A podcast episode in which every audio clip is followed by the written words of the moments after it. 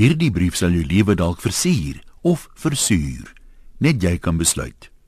Daar was eendag 'n man wat sy seun sekere waardes van die lewe wou laat ervaar. Hy het die Kaapse stad seun na plattelandse boerdery gemeenskap toegeneem, een van die armer gemeenskappe sonder luksehede.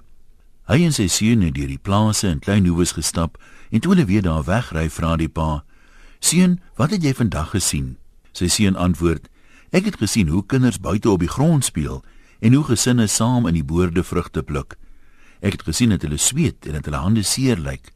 En ek het gesien dat die karre nie baie blink is nie en dat die dorp nie 'n steakhouse het nie." Terwyl hulle verder ry terug na die bekende beskawing waar hulle woon, vra die pa weer: "Seun, en wat het jy vandag geleer?" Vir 'n kilometer of meer dink die seun stil oor die vraag na en toe antwoord hy: "Niks."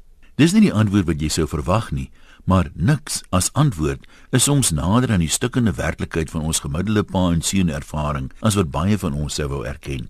Deur die dekades was daar altyd iets unieks en kwesbaars aan elke generasie se vaders.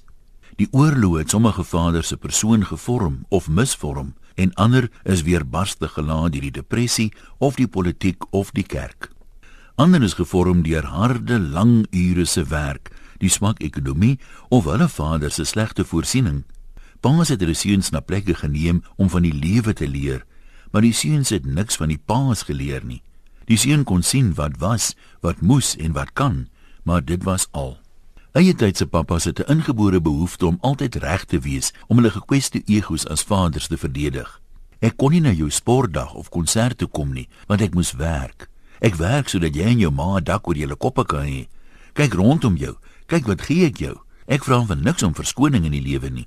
Ek dink baie daaraan dat baie seuns genoeg redes het om teleurgesteld in hulle paas te wees. Maar hulle is dalk net te oordentlik om dit te sê. Is dit as gevolg van die eer jou vader gedeelte wat van kleins af in die sonndagskool by ons ingedring was? Of was dit omdat enige opmerking van daardie aard met 'n helse pak slaap beloon sou word? Hoekom moet 'n seun wag tot sy pa vir hom vra, "Wat het jy gesien? Wat het jy geleer?"